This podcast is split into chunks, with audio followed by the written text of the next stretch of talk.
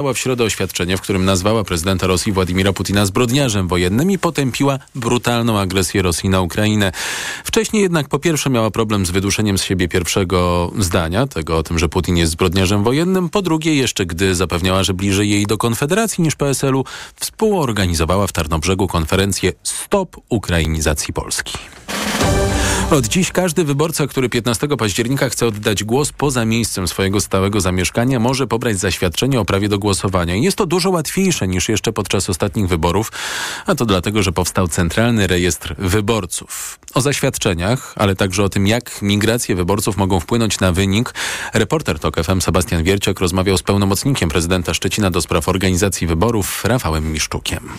Można powiedzieć, że e, w końcu udało się stworzyć centralny rejestr wyborców i to sporo zmienia. Ale zacznijmy od tego, co to w ogóle jest. E, centralny rejestr wyborców jest to e, ogólnopolska baza informacji o wyborcach.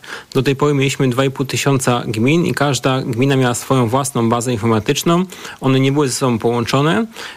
To rodziło różne problemy, na przykład takie, że jeżeli chcieliśmy pobrać zaświadczenie prawa do głosowania, to musieliśmy się wracać do gminy właściwej dla naszego miejsca zamieszkania i tylko w tej gminie mogliśmy pobrać zaświadczenie do głosowania, a dzięki temu, że ujednolicono tą bazę, jest ona ogólnopolska i każda gmina ma na niej wgląd, możemy takie zaświadczenie do głosowania pobrać w każdej gminie na terenie kraju. Nie musimy się wracać do miejsca właściwego dla, dla, dla naszego zamieszkania. Możemy tam przebywać turystycznie, jednodniowo, możemy tam przebywać w związku z pracą. Nie musimy się tłumaczyć. Nie, oczywiście nie musimy się tłumaczyć. To jest, to jest, to jest wydawane na nasz wniosek. Nie trzeba tego uzasadniać. Po prostu mamy różne plany na 15 października.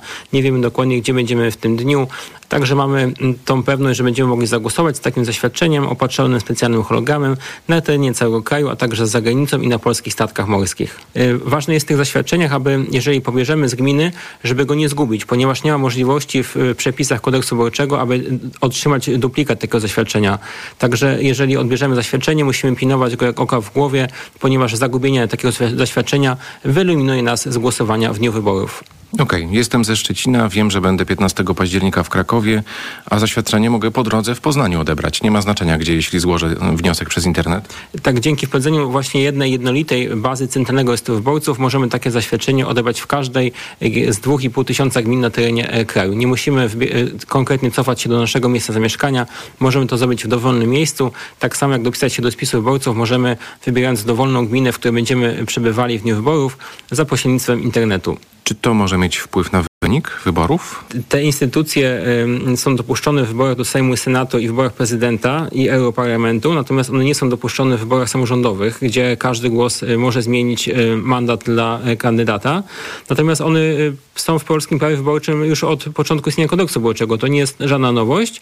Natomiast nowością są to ułatwienia dla wyborców, że nie musi wracać do miejsca zamieszkania, może takie zaświadczenie pobrać w każdym dowolnej gminie na terenie kraju. Ale wiemy też, że różnie ważą mandaty poselskie. W Warszawie trzeba uzbierać 70 tysięcy prawie głosów, a już w mniejszych miejscowościach wystarczy 38, 36, żeby mieć mandat poselski. Aż takich y, dużych migracji ludności, bo widzimy to w systemie nie ma, aby to zaważyło na wyborach. Także to jest ułatwienie dla osób, które podróżują po kraju, które zmieniają miejsce, y, miejsce pobytu albo które pracują po prostu, czy, czy to są w delegacji, czy, czy w innych miejscach związanych z ich pracą. To jest zrobione na ich korzyść, aby mogły skorzystać z swoich praw konstytucyjnych, aby mogły wziąć udział w głosowaniu, a nie jest to podyktowane żadnymi innymi przesłankami. Sebastian Wierciak rozmawiał z pełnomocnikiem prezydenta Szczecina do spraw organizacji wyborów Rafałem Miszczukiem. Zaświadczenia o prawie do głosowania wydawane będą do 12 października i z takim dokumentem możemy zagłosować w dowolnym lokalu wyborczym. Jeśli mamy stuprocentową pewność, gdzie poza miejscem zamieszkania chcemy oddać głos 15 października, to zamiast pobierać zaświadczenie, możemy przez stronę gov.pl dopisać się do spisu wyborców w danej gminie. No a jeśli planujemy głosować u siebie, to oczywiście nie musimy robić nic. Wystarczy z dowodem osobistym albo paszportem w wyborczą niedzielę stawić się w swoim lokalu wyborczym. Podsumowanie dnia w Radiu TOK FM. Chcą podwyżek, poprawy warunków pracy i zmian w programach nauczania. Nauczyciele pikietowali dzisiaj przed Ministerstwem Edukacji. To głównie działacze Związku Nauczycielstwa Polskiego wspierani przez organizacje pozarządowe, rodziców i polityków opozycji. Do manifestujących nie wyszedł nikt z ministerstwa. Nad wejściem do resortu przed pikietą zawisły za to ogromne banery, na których ministerstwo chwali się rosnącymi wydatkami na oświatę.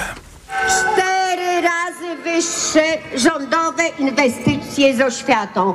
No chyba Villa Plus. Szenujące pensje, gdzie w zasadzie w kontakcie z innymi osobami aż się wstyd przyznawać, że wykonuje się tego typu zawód.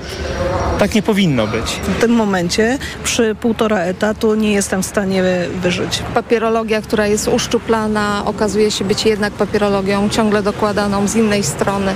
Zero wsparcia. Nie czujemy takiego wsparcia. Jeżeli trochę inaczej myślimy, właśnie spotykamy się z taką reakcją ministerstwa, jaka jest.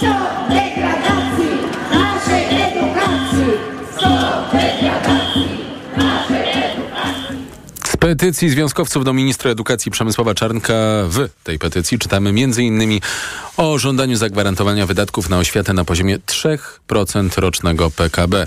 Dr Wojciech Paczos z Cardiff University i Polskiej Akademii Nauk, gość Agnieszki Lichnerowicz w programie Światopodgląd, przekonuje, że każda złotówka wydana na edukację zwraca zwielokrotniona do budżetu państwa. Dziś natomiast, i to jest problem, mamy do czynienia z postępującą prywatyzacją edukacji. W ciągu 8 lat zwiększyła się trzykrotnie liczba uczniów w prywatnych liceach i to jest jakby zrozumiałe z punktu widzenia rodziców. Natomiast społecznie czy gospodarczo, makrogospodarczo to może być problem, jeśli to, jest, to się dzieje w taki sposób nieuregulowany jak, jak w Polsce. Są i dobre informacje. To już niemal pewne Lex Czarnek w trzeciej odsłonie nie zostanie uchwalony w tej kadencji parlamentu. Ustawa zakazywałaby m.in. stowarzyszeniom i organizacjom promować zagadnienia związane z seksualizacją dzieci na terenie placówek oświatowych. Przepisy, które minister edukacji i partia rządząca forsowali, które dwukrotnie zawetował prezydent Andrzej Duda, ostatnim razem trafiły do Sejmu jako projekt obywatelski. Prace nad nim wydłużyły się jednak na tyle, że Senat zajmie się nimi dopiero w połowie września, a to oznacza, że Sejm raczej nie zdąży przed wyborami ponownie się nimi zająć. Zdaniem posła lewicy Krzysztofa Śmiszka PiS nie było zbyt zdeterminowany, żeby przepchnąć Lex Czarnek 3.0. Pewnie zdali sobie sprawę z tego, że ta ustawa jest tak głupia, jest tak szkodliwa, że ten wahający się elektorat, który mógłby zagłosować na Prawo i Sprawiedliwość, tego nie kupi. Już tego nie wytrzyma. Bo jak mówi Katarzyna Lubnauer z Koalicji Obywatelskiej, główny cel projektu, jakim jest obrona dzieci przed ich rzekomą seksualizacją przez organizacje pozarządowe, jest absurdalny. Lex Czarnek 3.0 tak naprawdę nawet nie mówi, czym ona ma być, że jest to przeciwko edukacji seksualnej. I wiedzą też, że Polacy rozumieją, że to oni chcą decydować o wychowaniu swoich dzieci, a nie żeby to było odgórnie zadecydowane przez PiS. Które zdaniem polityków i polityczek opozycji chciało po prostu nastraszyć rodziców, ale ci w znakomitej większości się nie dali. Ta informacja dotarła do mnie wczoraj tuż przed rozpoczęciem TOK 360. Poruszaliśmy zresztą wczoraj temat zamknięcia ośrodka dla ukraińskich uchodźców w podwarszawskim Nadarzynie. Przez kolejną dobę reporterzy TOK FM zbierali informacje w tej sprawie. Teraz podsumuje to wszystko Hubert Kowalski. Centrum Pomocy Humanitarnej Ptak w Nadarzynie było największym takim w całej Polsce. Tuż po agresji Rosji na Ukrainę w lutym ubiegłego roku w podwarszawskiej hali przebywało ponad 9 tysięcy uchodźców. Ostatnio było ich tam kilkuset. Informacje o likwidacji hali otrzymaliśmy od Katarzyny Skopiec z Fundacji Humanos. Od kilku dni otrzymywała ona telefonu od uchodźców. Zostali tak naprawdę postawieni w sytuacji bez wyjścia.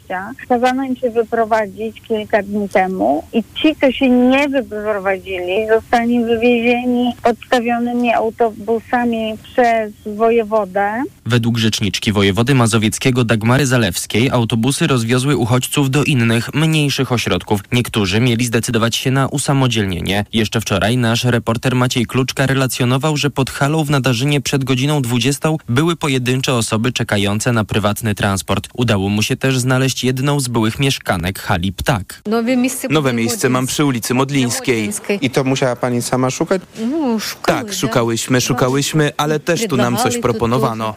Rzeczniczka wojewody potwierdziła nam, że Centrum Pomocy decyzją wojewody zostaje zamknięte z dniem 1 września. Tymczasem jeszcze wczoraj rozmawiałem przez telefon z panią Oleną, która mówiła, że została bez pieniędzy na deszczu, czekając na namiot w nowym punkcie pomocy. Profesor Patrycja Matusz z Instytutu Studiów Międzynarodowych mówiła w TOK FM, że zarząd wojewódzki powinien się upewnić, że wszyscy zostali o przeprowadzce poinformowani, tak aby oszczędzić tym ludziom stresu. Sposób przeprowadzenia tego zamknięcia no, może budzić pewne wątpliwości, bo osoby, które się stamtąd wyprowadzały, zdawały się być zaskoczone e, tym faktem, czyli możemy przypuszczać, że nie do końca znów była ta akcja dobrze przygotowana. Tymczasem dochodziły do nas wieści o sytuacjach, w których kogoś nie było w hali, kiedy podjeżdżały autobusy. Te osoby musiały szukać transportu na własną rękę. Profesor Matusz dodawała także, że zamykanie dużych hal i przenoszenie do mniejszych ma dobry wpływ na uchodźców. Nie są to miejsca, które dobrze służą e, uchodźcom, e, osobom, które są straumatyzowane i przebywanie w takich warunkach. Wiele słyszeliśmy akurat o ośrodku w Nadarzynie negatywnych informacji. Oficjalnie Centrum Pomocy Humanitarnej PTAK zostało zamknięte z powodu zmniejszającej się liczby uchodźców, którzy uciekają z Ukrainy przed rosyjską agresją. Nieoficjalnie jednak może chodzić o pieniądze. Hala PTAK w Nadarzynie należy do biznesmena Antoniego Ptaka. W ramach rządowego programu 40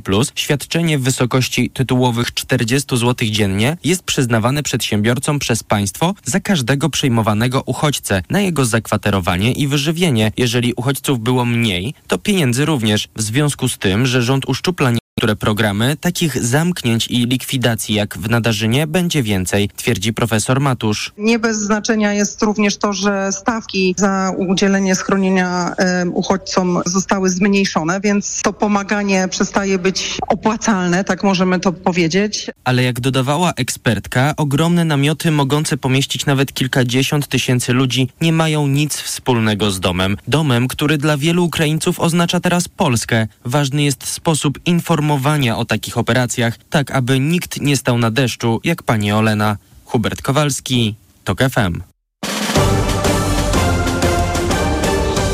TOK 360. Rodzina i adwokat nie mają kontaktu z odbywającym na Białorusi karę więzienia Andrzejem Poczobutem. Jego żona od początku lipca nie otrzymała od niego listu. Roman Imielski, jeden z gości Jacka Żakowskiego w dzisiejszym poranku Radia Tok FM apelował do polskich władz i wszystkich, którzy mogą coś zrobić żeby pomóc Andrzejowi Poczobutowi, mojemu przyjacielowi, który został skazany, nasz korespondentowi Gazety Wyborczej w Białorusi, który został skazany na wieloletnie więzienie, bardzo ciężkie. Teraz przebywa w Łagrze, gdzie został skierowany do karceru pod absurdalnymi oczywiście zarzutami. Bez lekarstw? Odcięto właśnie od lekarstw na serce. Andrzej jest chory. E, w więzieniu są zarażony koronawirusem e, i bezradność polskiego państwa wobec tej sytuacji jest dla mnie czymś niezrozumiałym. Dużo mówi nasz rząd i nasi e, rządzący o tym, jak ci są twardzi wobec Łukaszenki, budują mury, wyrzucają ludzi, którzy e, robią pushbacki, e, pozwalają na to, żeby na naszej ziemi umierali ludzie, którzy uciekają często przed wojną i przed strasznymi wojnami domowymi również w swoich krajach, przed prześladowaniami. Natomiast Andrzej czeka na realną pomoc, naprawdę realną pomoc. Wiesz, dlaczego zapadła cisza? Bo nikt z nas nie potrafi sobie wyobrazić, że ten rząd mógłby coś e, pozytywnego zrobić w tej sprawie. Ja jestem w ogóle bardzo, jestem bardzo tutaj zdruzgotany tym, co robi nasz rząd i uważam, że robi, nie robi tego, co, co, co mógłby zrobić, również dlatego, że Andrzej w ostatnich e, swoich tekstach, zanim został wiosną 21 roku zgarnięty ze swojego mieszkania przez białoruską milicję, pisał bardzo krytycznie o polityce PiS właśnie tej wschodniej. Przede wszystkim to y, ich y, dogadywaniu się na różnych poziomach z Łukaszenką, kosztem chociażby polskich organizacji takich jak Związek Polaków na Białorusi. To Roman Imielski z Gazety Wyborczej w dzisiejszym poranku Radia Tok FM. MSZ odpowiada na to. Cały czas zabiegamy o kontakt z odbywającym wyrok Andrzejem Poczobutem. Polska ambasada w Mińsku w rozmowach z MSZ-em Republiki Białorusi stale podnosi kwestię jego i innych więźniów politycznych, a resort dyplomacji cyklicznie wzywa władze białoruskie do zaprzestania stosowania wobec niego represji. Do tej sprawy wracam tuż po prognozie pogody. Pogoda. Jutro pochmurno z przelotnym deszczem oraz szczególnie na południu i w centrum możliwe burze. Na termometrach od 19 stopni w górach i na wybrzeżu do 25 na Podkarpaciu. Tok 360. Gościem TOK 360 jest Marek Zaniewski, wiceprezes Związku Polaków na Białorusi. Dzień dobry. Dzień dobry Państwu.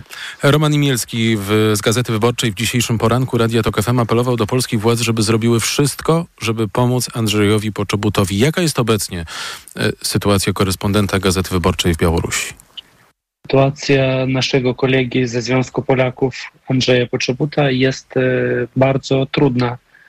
Znajduje się on w kolonii karnej w Nowopolocku i ostatnio, z ostatnich informacji wiemy, że trafił do celi karnej na 6 miesięcy. Jest problem z komunikacją z nim, ponieważ został pozbawiony możliwości telefonowania do rodziny. Też są wielkie utrudnienia w korespondencji z nim. Także za dużo informacji o, o warunkach i o stanie zdrowia Andrzeja na dzień dzisiejszy my nie mamy i to budzi największy niepokój.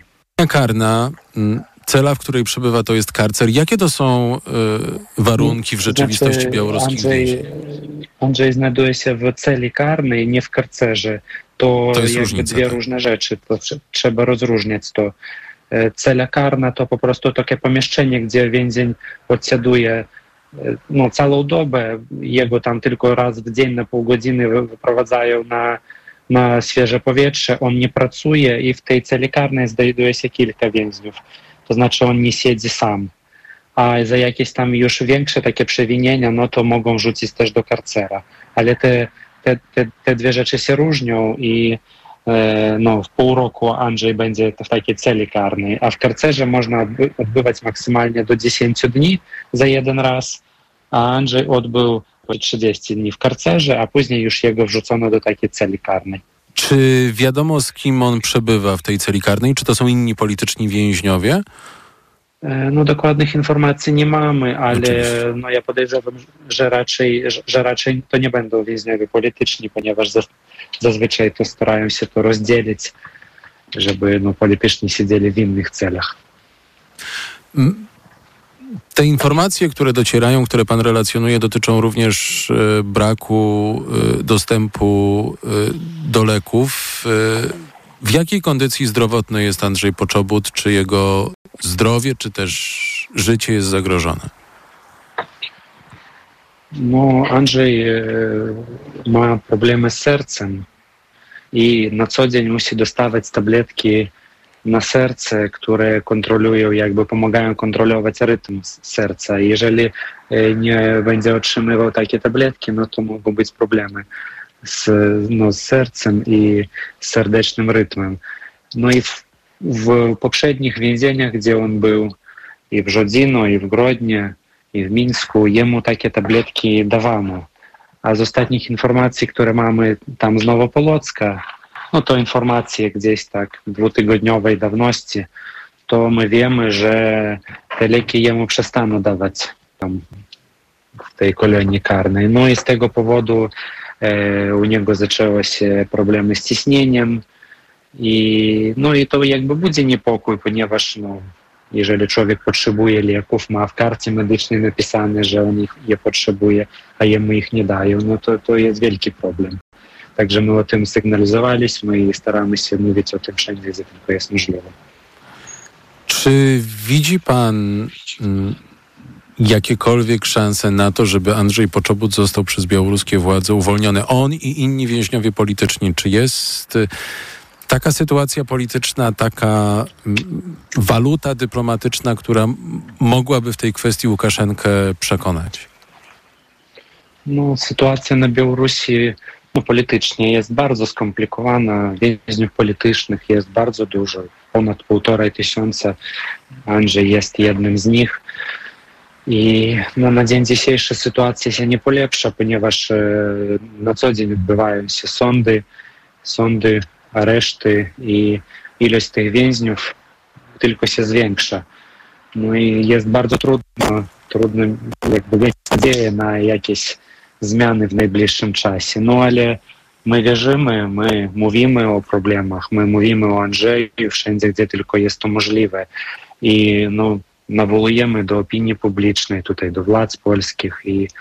mamy wielką nadzieję, że tą sytuację uda się jakoś zmienić w najbliższym czasie. To wsparcie polskich władz jest, bo jedną z części apelu mm, Romana Imielskiego, o którym wspomniałem na początku, było, mm, był apel do polskich władz o to, żeby zrobiły wszystko, co tylko możliwe. Władze polskie odpowiadają, że zabiegają o kontakt, że polska ambasada w Mińsku za każdym razem podnosi kwestię Poczobuta i innych więźniów e, politycznych i mm, cyklicznie ta sprawa jest e, podnoszona. Tu jest co więcej zrobić? Trudno mi powiedzieć, co jeszcze można w tych kwestiach zrobić. To raczej pytanie do polityków. Ja jestem mniejszości polskiej i mogę tylko prosić, wszystkich o, o, o tym, żeby pamiętali i o tym, żeby coś robili w kwestii Andrzeja Poczobuta, innych działaczy polskich, którzy na Białorusi w tym czasie cierpią. No i, no i mieć nadzieję, że sytuacja się zmieni. Bardzo dziękuję. Marek Zaniewski, wiceprezes Związku Polaków na Białorusi, był gościem TOK 360. Dziękuję bardzo. Już za chwilę dołączy do mnie Anna Gmiterek-Zabłocka, autorka reportażu Wyrwa, reporterskiej opowieści o szkole, czasu wojny i dzieciach, które muszą się w tej szkole odnaleźć. Bardzo, bardzo panu dziękuję. Dziękuję I wszystkiego, wszystkiego, wszystkiego dobrego. Reklama. Wiadomość z ostatniej chwili. W salonach Toyoty ruszyła właśnie sezonowa wyprzedaż. Nowe auta dostaniesz na niej w niesamowitej ofercie. Na przykład stylową, oszczędną i bezpieczną Toyotę Yaris, która ma najnowsze multimedia i świetnie się prowadzi, możesz mieć z korzyścią do 6 tysięcy złotych. A do tego uwaga niemalże od ręki. Nie ma co czekać. Może cię ominąć niesamowita okazja. Reklama. TOK 360. A w lubelskim studiu Radia Tok FM jest już Anna Gmitrek-Zabłocka. Witaj. Dzień dobry. Fundacja TOK FM i kolektyw Outriders y, przedstawiają reportaż audio zatytułowany Wyrwa o edukacji w czasie wojny. To po godzinie 20 na naszej antenie. Powiedz, co to są za historie? To są historie dzieci. Z jednej strony dzieci, które pozostają w Ukrainie razem ze swoimi rodzicami i tam próbują się uczyć, co możemy sobie tylko to spróbować wyobrazić, nie jest proste. I są tam rzeczywiście opisy tego, jak to w praktyce wygląda, z czym te dzieci muszą się mierzyć czego tam brakuje i tak dalej, i tak dalej. Z drugiej strony opowiadamy również o dzieciach, które są w tej chwili w Polsce, dzieciach z Ukrainy, uczniach, uczennicach, dzieciach z klas młodszych, ale przede wszystkim również nastolatkach, które mają w Polsce ogromne, ogromne problemy. Powiem tyle, że część tych nagrań to są nagrania które zostały zrealizowane bezpośrednio w Ukrainie przez reporterów, ukraińskich reporterów Outriders i te nagrania, które zostały zrealizowane między innymi przeze mnie tutaj w Polsce, rozmowy właśnie z dziećmi, z rodzicami, z przedstawicielami organizacji pozarządowych, które pomagają tym rodzinom. Ale myślę, że najbardziej e, uderzające w uszy i uderzające w nasze serca są te wypowiedzi dzieci, ich rodziców o tym, co je tutaj w Polsce spotyka. To są historie między innymi e, o hejcie, dyskryminacji i bullyingu. Posłuchajmy fragmentu reportażu. Jeden cały czas mówił, że no, różne głupoty mówił. Kocha Rosję na przykład, kocha Putina. Wydrukował ten portret Putina, przyniósł do szkoły, pokazywał. Mówił no, różne okropne rzeczy, ja nawet nie chcę powiedzieć. Kiedyś ja przyszła po pracy, mam na imię Julia, przyjechała z Ukrainy, miasto Kropiwnicki i jestem mamą Władysława. Wład był bardzo znerwowany i mówił, że ja nienawidzę Polaków. Taka była sytuacja. Bo to takie dokuczenie było straszne. Jeszcze dzisiaj pani to przeżywa? No tak. Straszna ból, ale wie pani co, ja mu mówiła, że nie wszystkie takie ludzie, w każdym kraju my mamy różnych ludzi. Zobacz na to, jak nam ludzie dopomogły, kiedy ty przyjechał z babci swojej. I to nie zależy od tego. A on mówił, że ja chcę do domu, ja chcę w Ukrainę. Wszystkich ludzi, jakich tutaj spotkała do siebie, to było wszystko dobrze. Ale dla mojego dziecka to tak nie było. Myślę sobie, że o tyle ważny jest to reportaż dzisiaj, 1 września, że już półtora roku po inwazji Rosji na Ukrainę te problemy szkoły, nauczania ukraińskich dzieci w Polsce, chociaż nie tylko tego dotyczy reportaż, wiem, zostały trochę zepchnięte na dalszy plan. Tak, i słyszymy, ja ostatnio uczestniczyłam w takim spotkaniu w Urzędzie Wojewódzkim w Lublinie, w którym brała udział również pani kurator oświaty, ale również przedstawicielka, pani dyrektor z Ministerstwa Edukacji i Nauki. I tam rzeczywiście padają takie zapewnienia, piękne słowa o tym, że tak naprawdę nie ma problemu dyskryminacji, że takie głosy nie trafiają, że nie ma na ten temat żadnych raportów, że była tylko na przykład na Lubelszczyźnie jedna oficjalna skarga na ten temat. To wszystko jest być może prawda, z takim, patrząc na to, tak y, bardzo urzędowo. Natomiast rzeczywistość, którą pokazujemy w tym materiale i specjalnie podjęliśmy taką decyzję, że jest on emitowany 1 września, a nie 4 września, wtedy, kiedy zaczyna się szkoła, by wszyscy Państwo, nasi słuchacze, ale również internauci mieli szansę tego reportażu posłuchać i zobaczyć, e, z czym się te dzieci, te rodziny mierzą, bo to są naprawdę bardzo trudne decyzje, niejednokrotnie dylematy. Są rodziny, które na przykład zdecydowały się właśnie z bardzo różnych powodów, w tym te, tych związanych z dyskryminacją, ale również na przykład z, ni z niższym zdecydowanie niż w Ukrainie poziomem matematyki w polskich szkołach, zdecydowały się jednak, że dzieci wracają do Ukrainy i tam będą się uczyć. Natomiast bardzo Państwu ten reportaż również polecam z tego powodu, że jest to opowieść o, z jednej strony o tych trudnościach, z którymi te dzieci i młodzież się mierzy, bo tutaj chcę powiedzieć, że jest bardzo dużo nastolatków, które są poza systemem, nie uczą się nigdzie, ale z drugiej strony jest to też reportaż pokazujący takie pozytywne strony, tak? Również pozytywne historie starałyśmy się, staraliśmy się w tym materiale pokazać i mm, co ważne, bo to też może Państwu y, pewnie mm, zapadnie w pamięć, tam są bardzo mocne wypowiedzi dzieci i chcę stanowczo podkreślić, że są to wypowiedzi, które wychodziły bezpośrednio od dzieci i od ich rodziców. Natomiast to nie było tak, że ja próbowałam pytać o te kwestie trudne, tylko to po prostu samo wychodziło w rozmowie, że one się z tym, z takimi rzeczami e, mierzą. Więc naprawdę bardzo serdecznie Państwu polecam po prostu, by wiedzieć. Jedna z osób, które przesłuchały już tego reportażu, a nigdy wcześniej nie słuchały rozmów z moimi bohaterami, powiedziała mi, że sama sobie nie zdawała sprawy, y, jak to wygląda, tak? Bo rozmawiamy o pewnych rzeczach, o tym, że jest ta dyskryminacja, gdzieś tam te wątki się pojawiają. Natomiast tych problemów jest naprawdę dużo i one są bardzo, bardzo smutne i nie jest wcale tak różowo, jak zapewnia nas, nas władza, że zorganizowano edukację dla ukraińskich dzieci i się uczą i odnajdują w polskiej szkole. Część tak, ale duża część niestety nie. Fundacja TOK FM i kolektyw Outriders zapraszają na reportaż audio zatytułowany Wyrwa o edukacji w czasie wojny po 20 na antenie Radia TOK FM. Już teraz w aplikacji mobilnej TOK FM. Anna Gmiterek-Zabłocka, bardzo Ci dziękuję. A już za chwilę Karol Wagner z Tatrzańskiej Izby Gospodarczej z podsumowaniem sezonu letniego w górach. Unoszę się, jeszcze nie wiem gdzie tym razem wylądować chcę. Himalaje oczekiwań już pode mną gdzieś. Nie są wcale takie straszne, znam na pamięć je. Znam na pamięć je. Lewituję swobodnie, skrzydła niosą wysoko, a ty?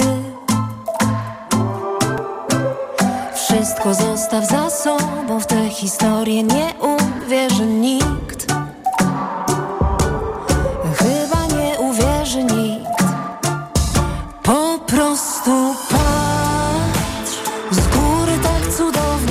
błyszczy cały świat.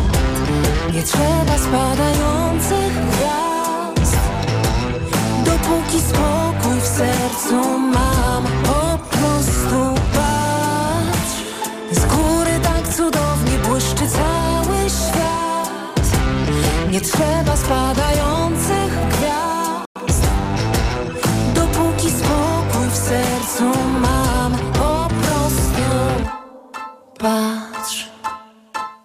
Opada mgła.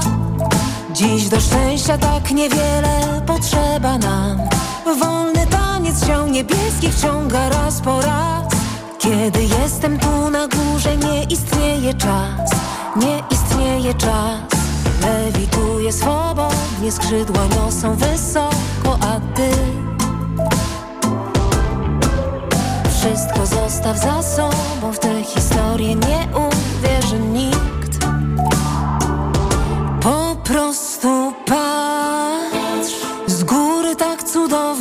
cały świat. Nie trzeba spadających gwiazd.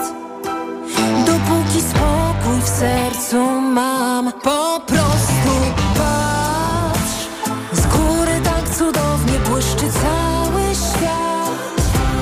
Nie trzeba spadających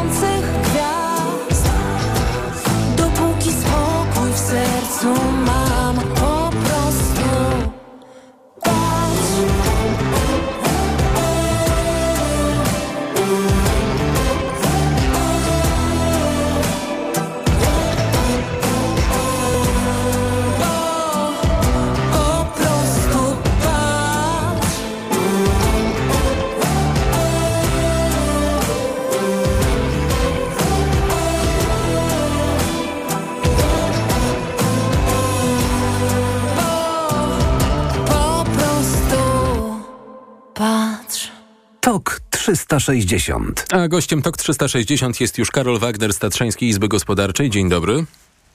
Witam uprzejmie, dzień dobry. Jaki to był sezon w Tatrach udany?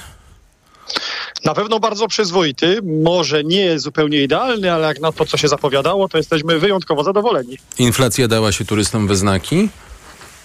Dała się, ale paradoksalnie prawdopodobnie odniosła dość pozytywny skutek. To znaczy edukacja ekonomiczna polskiego społeczeństwa była dla nas coraz bardziej czytelna i mieliśmy po raz pierwszy w tym roku do czynienia z optymalizacją budżetów, czyli z rozsądnego wydawania pieniędzy, a nie skrajną minimalizacją i szukania oszczędności na każdym kroku.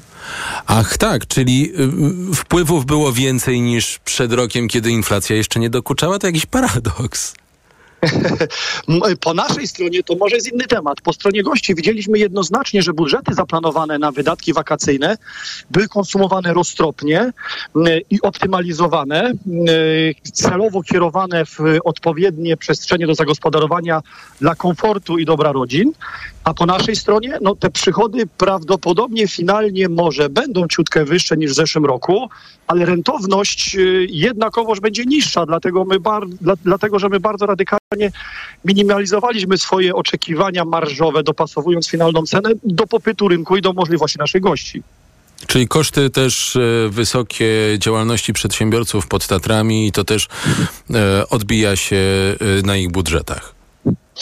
Tak, no my wiemy doskonale e, i myślę, że każda gospodyni domowa, zresztą nie wartościując może i gospodarz domowy także, wie jak skoczyła mu wartość koszyka zakupowego, choćby typowo gastronomicznego.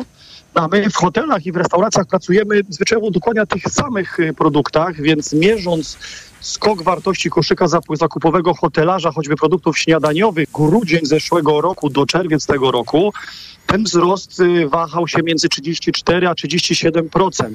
Z kolei myśmy, no naprawdę mitygując nasze oczekiwania, nie przenieśli na wprost y, tych wartości na marżę, którą byśmy oczekiwali, no bo wiemy, że gość, który my też często bywamy, przecież też podróżujemy, prawdopodobnie by tego nie zniósł. W związku z tym w wolumenie był sukces tych wakacji ilości gości, a nie w jednostkowych marżach za dany pobyt. Skąd popularność Zakopanego wśród turystów z Bliskiego Wschodu? troszkę przy, przy, wracając do rozmowy z jednym z takich turystów dokładnie sprzed dwóch tygodni, pytając właśnie o to, mógłbym to skwitować jego odpowiedzią, e, w, której pokazał mi ekran swojego telefonu i e, określił, że aktualnie u niego pod domem jest 30 stopni więcej niż w Zakopanym i nie musi dopłacać za klimatyzację. U nas wtedy było 22 stopnie. To tak troszkę oczywiście prześmiewczo, natomiast bezwzględnie i jednoznacznie, tylko i wyłącznie w połączeniu unikatowej, naturalnej kultury regionu ziem podhalańskich z wysoką jakością usług. To znaczy ci turyści jednoznacznie mówią, że opatrzyły im się kurorty Alp czy Dolomitów, które trącą plastikowością. U nas jest ta prawdziwa no, i słowiańska, i góralska tradycja. Ja rozumiem ten folder reklamowy, który pan nam y, przedstawia, ale musiała pójść jakaś fama.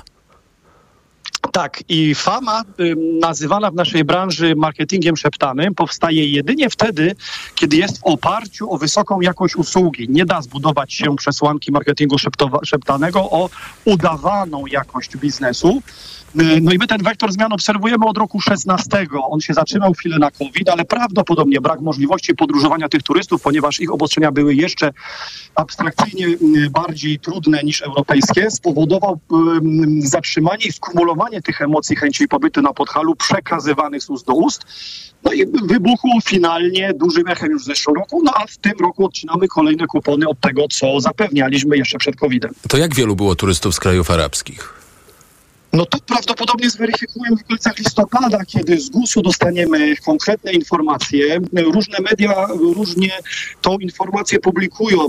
No, ci turyści, będąc dość czytelnymi na słynnych Krupówkach, czy w ogóle w tym regionie, wydają się, że odwiedzają y, te, te, te nasze regiony w dużych ilościach, ale tak naprawdę jak przyłożymy ilość tych turystów, choć dość zasadną, do ilości Polaków, czy w tym roku powracających obcokrajowców z innych regionów świata, Europy Zachodniej, która w zeszłym roku uważała nas, nas za kraj przyfrontowy, e, czy nawet ze Stanów Zjednoczonych, z którymi wydaje się relacje nawiązaliśmy turystyczne ciekawe, nie będzie aż tak znacząca. Choć pamiętajmy, że ci turyści podróżują w dużych grupach i zostają dłużej, najczęściej w drogich obiektach. Tym samym niewątpliwie e, wolumen środków, które zostawią u nas, będzie znaczący, ale to dopiero wiatr listopada do podliczenia. E, a czy to znaczy, że ich obecność, jak gdzieś słyszałem o takich danych, że 4 na 10 turystów e, pochodziło z Bliskiego Wschodu pod Tatrami, być może są to dane przesadzone i być może pan mnie za chwilę poprawi, e, czy ich obecność wpłynie w jakoś w przyszłości na rynek usług turystycznych pod Tatrami? Obecność turystów, turystów z Bliskiego Wschodu wpływała już na jakość standard, ale i elastyczność podejmowania gości, którzy może mają inną kulturę, mm, inną wiarę, inne nawyki gastronomiczne, zmieniała się właśnie jeszcze przed COVID-em i dzięki tej elastyczności oni docierają do nas w tej e, właśnie dużej i mierzalnej ilości. 4 na 10, niestety takiej tezy według wiedzy, którą posiadamy jako Tatrzańska Izba Gospodarcza, nie zawahałbym się, znaczy zawahałbym się wyartykułować.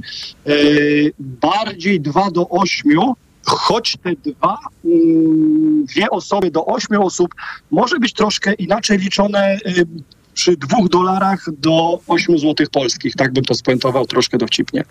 Karol Wagner z Tatrzańskiej Izby Gospodarczej był gościem TOK 360. Bardzo dziękuję. Za chwilę Dariusz Gzyra, filozof, działacz y, społeczny, bo jutro Marsz Wyzwolenia Zwierząt w Warszawie. Reklama. Dołącz do Kaufland Card i oszczędzaj więcej. Od czwartku do soboty z Kaufland Card. Papier Xero A4 Talentus, dwa rodzaje, 500 kartek, tylko 9,99. 5 na osobę. Tak, tylko 9,99 z Kaufland Card. Idę tam, gdzie wszystko mam. Kaufland. Wielka wyprzedaż Waldi do minus 90% na produkty z wybranych kategorii. Tak, aż do 90% taniej. Wyprzedaż trwa od środy do wyczerpania zapasów. Raz Aldi. Zawsze coś z Aldi. Mamo, tato, słyszeliście? W Marte Sport jest super promocja. Aż 20% rabatu na odzież i obuwie juniorskie. Tak, i dotyczy to również produktów już przecenionych. Adidas, Puma, Reebok, Bejo, Huari i wiele innych topowych marek znajdziesz w Martes Sport. Promocja obowiązuje przy zakupie za minimum 100 zł. Regulamin promocji dostępny w sklepach. Mariolka, miałam dać ci cynk, jak będą super promocje w Media Expert. To słuchaj teraz. Do poniedziałku mają weekendowe rabatowanie. No, super produkty w super niskich cenach. No, no to mówię ci. Kochanie, kupiłaś patyczki do uszu? Nie, polecono mi coś innego. Spray do czyszczenia uszu Akustone. Zawiera aż trzy naturalne oleje, dzięki czemu Akustone szybko rozpuszcza i pomaga usunąć zalegającą woskowinę. Słusznie, od razu słyszę poprawy. Akustone to najlepszy sposób na czyszczenie uszu. Akustone. Słuszny wybór. To jest wyrób medyczny. Używaj go zgodnie z instrukcją używania lub etykietą. Akustone rozpuszcza zalegającą woskowinę, przeciwdziała powstawaniu korków woskowinowych lub zaleganiu wody w przewodzie słuchowym. Aflofarm. Teraz w Carrefourze królują zyskopaki. Pepsi, Pepsi Max, Mirinda lub 7up 850 ml 4,49 za sztukę przy zakupie dwóch. Oferta ważna do 9 września. Najniższa cena z 30 dni przed obniżką 5,89. Carrefour. Możemy kupować mądrze. Weekend gorących okazji w sklepach Chibo. Tylko do soboty wszystkie kilogramowe kawy Chibo Barista za jedyne 59,99. A dla lubiących okazję super oferta. Drugi produkt z rabatem 50% na kolekcję kawy i kapsułki. Zapraszamy do sklepów Chibo. Ale proszę o uwagę, to już ostatni dzwonek na przygotowania na powrót do szkoły z biedronkowymi oszczędnościami. Tylko do soboty. Przy zakupie z kartą Moja Biedronka czterech artykułów szkolnych, takich jak artykuły piśmienne, plastyczne, papiernicze, akcesoria szkolne, piórniki, plecaki i lampki szkolne, dwa najtańsze z nich dostaniesz gratis. Tak, wybrane artykuły szkolne w promocji 2 plus 2 gratis. Limit dzienny 8 produktów, maksymalnie 4 gratis na kartę. I to jest świetny powód, by iść do Biedronki. Z promocji wyłączone są papier ksero, książki, lunchboxy i bidony. Produkty dostępne do wyczerpania zapasów. Łap okazję w Stokrotce. Tylko w tę sobotę mleko półtłuste Farm Milk za złotówkę, jeśli zrobisz zakupy za minimum 69 zł z aplikacją. Regulamin na www.stokrotka.pl. Zapraszamy na zakupy.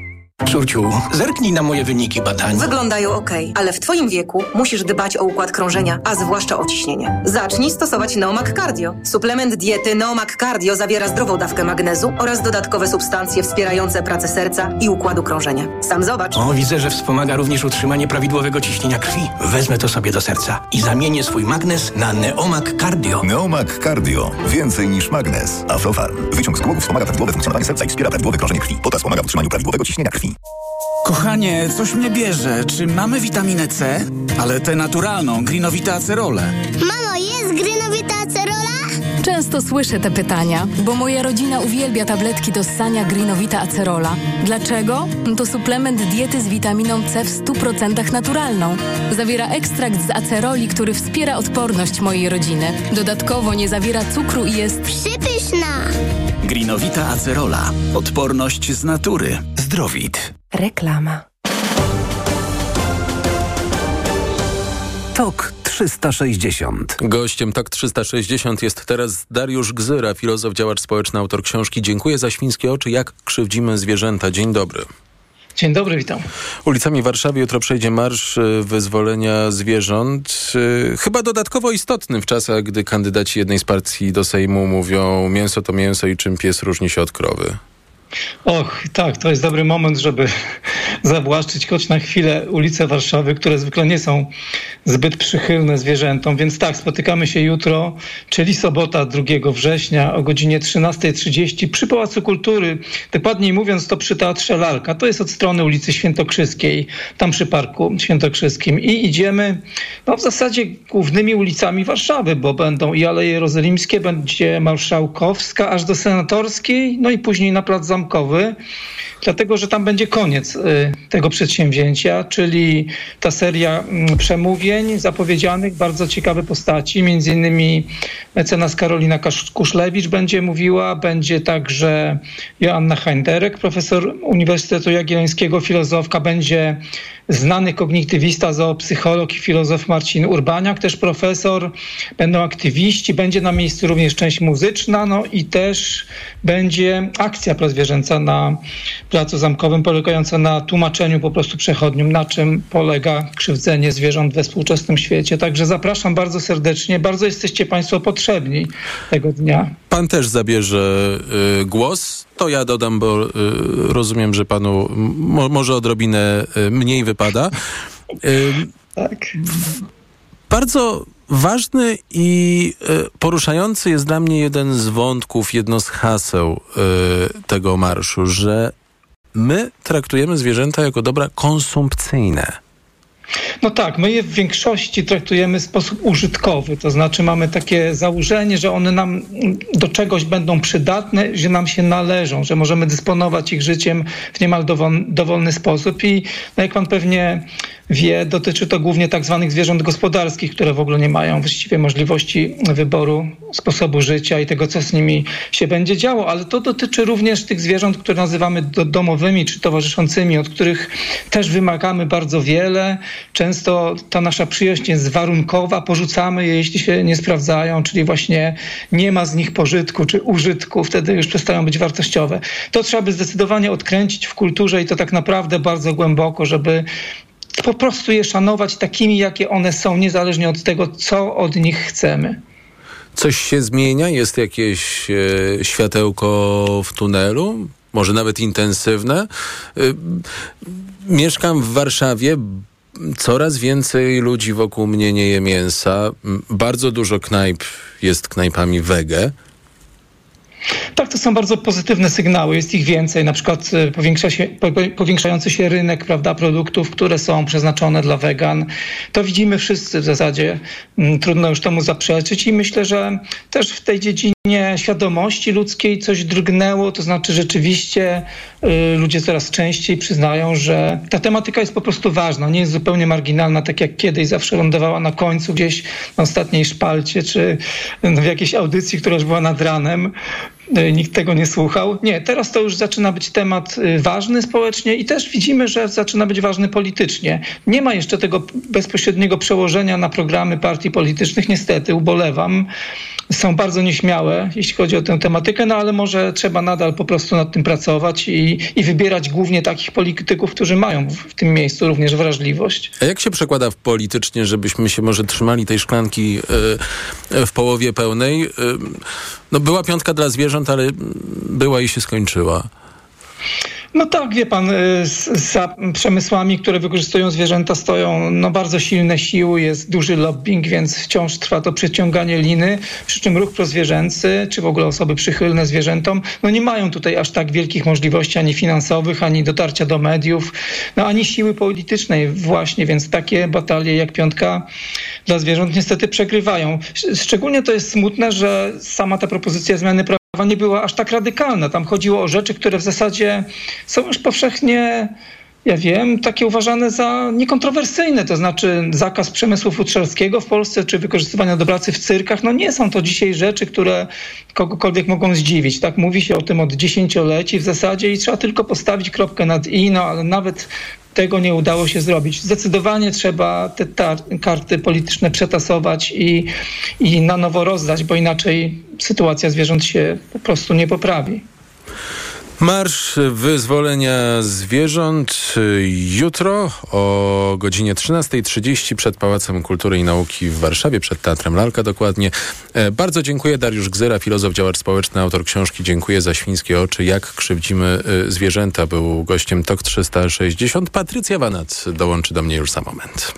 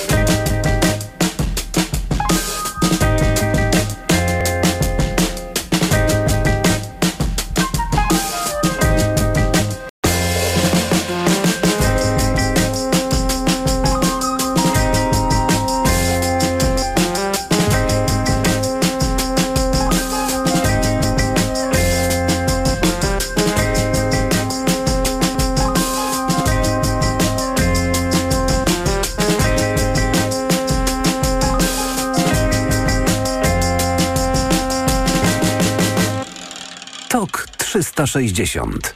Patrycja Banat już e, razem ze mną. Witaj. Dzień dobry.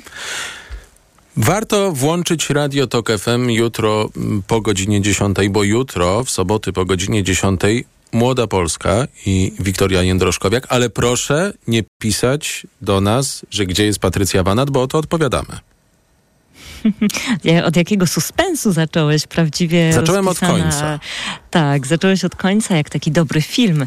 E, tak, ja nie znikam, przenoszę się na niedzielę na godzinę dziewiątą rano, więc e, magazyn filmowy teraz, proszę Państwa, od tego weekendu po wakacjach w niedzielę o godzinie dziewiątej rano. No oczywiście zostajemy w tym takim weekendowym trybie, bo premiery w Polsce akurat e, filmowe wchodzą do kin w piątki, więc weekend to jest ten czas, kiedy najnowsze filmy można oglądać i można o nich y, opowiadać. A muszę przyznać, że powoli kończymy tę taką wakacyjną mm, ospałość, ale też ten wakacyjny czas y, festiwali na przykład letnich filmowych. No i zaczyna się y, w kinach robić naprawdę ciekawie. Jest kilka bardzo ciekawych premier, chociaż oczywiście te festiwale wciąż trwają, bo przypominam, że właśnie rozpoczął nam się festiwal filmowy w Wenecji.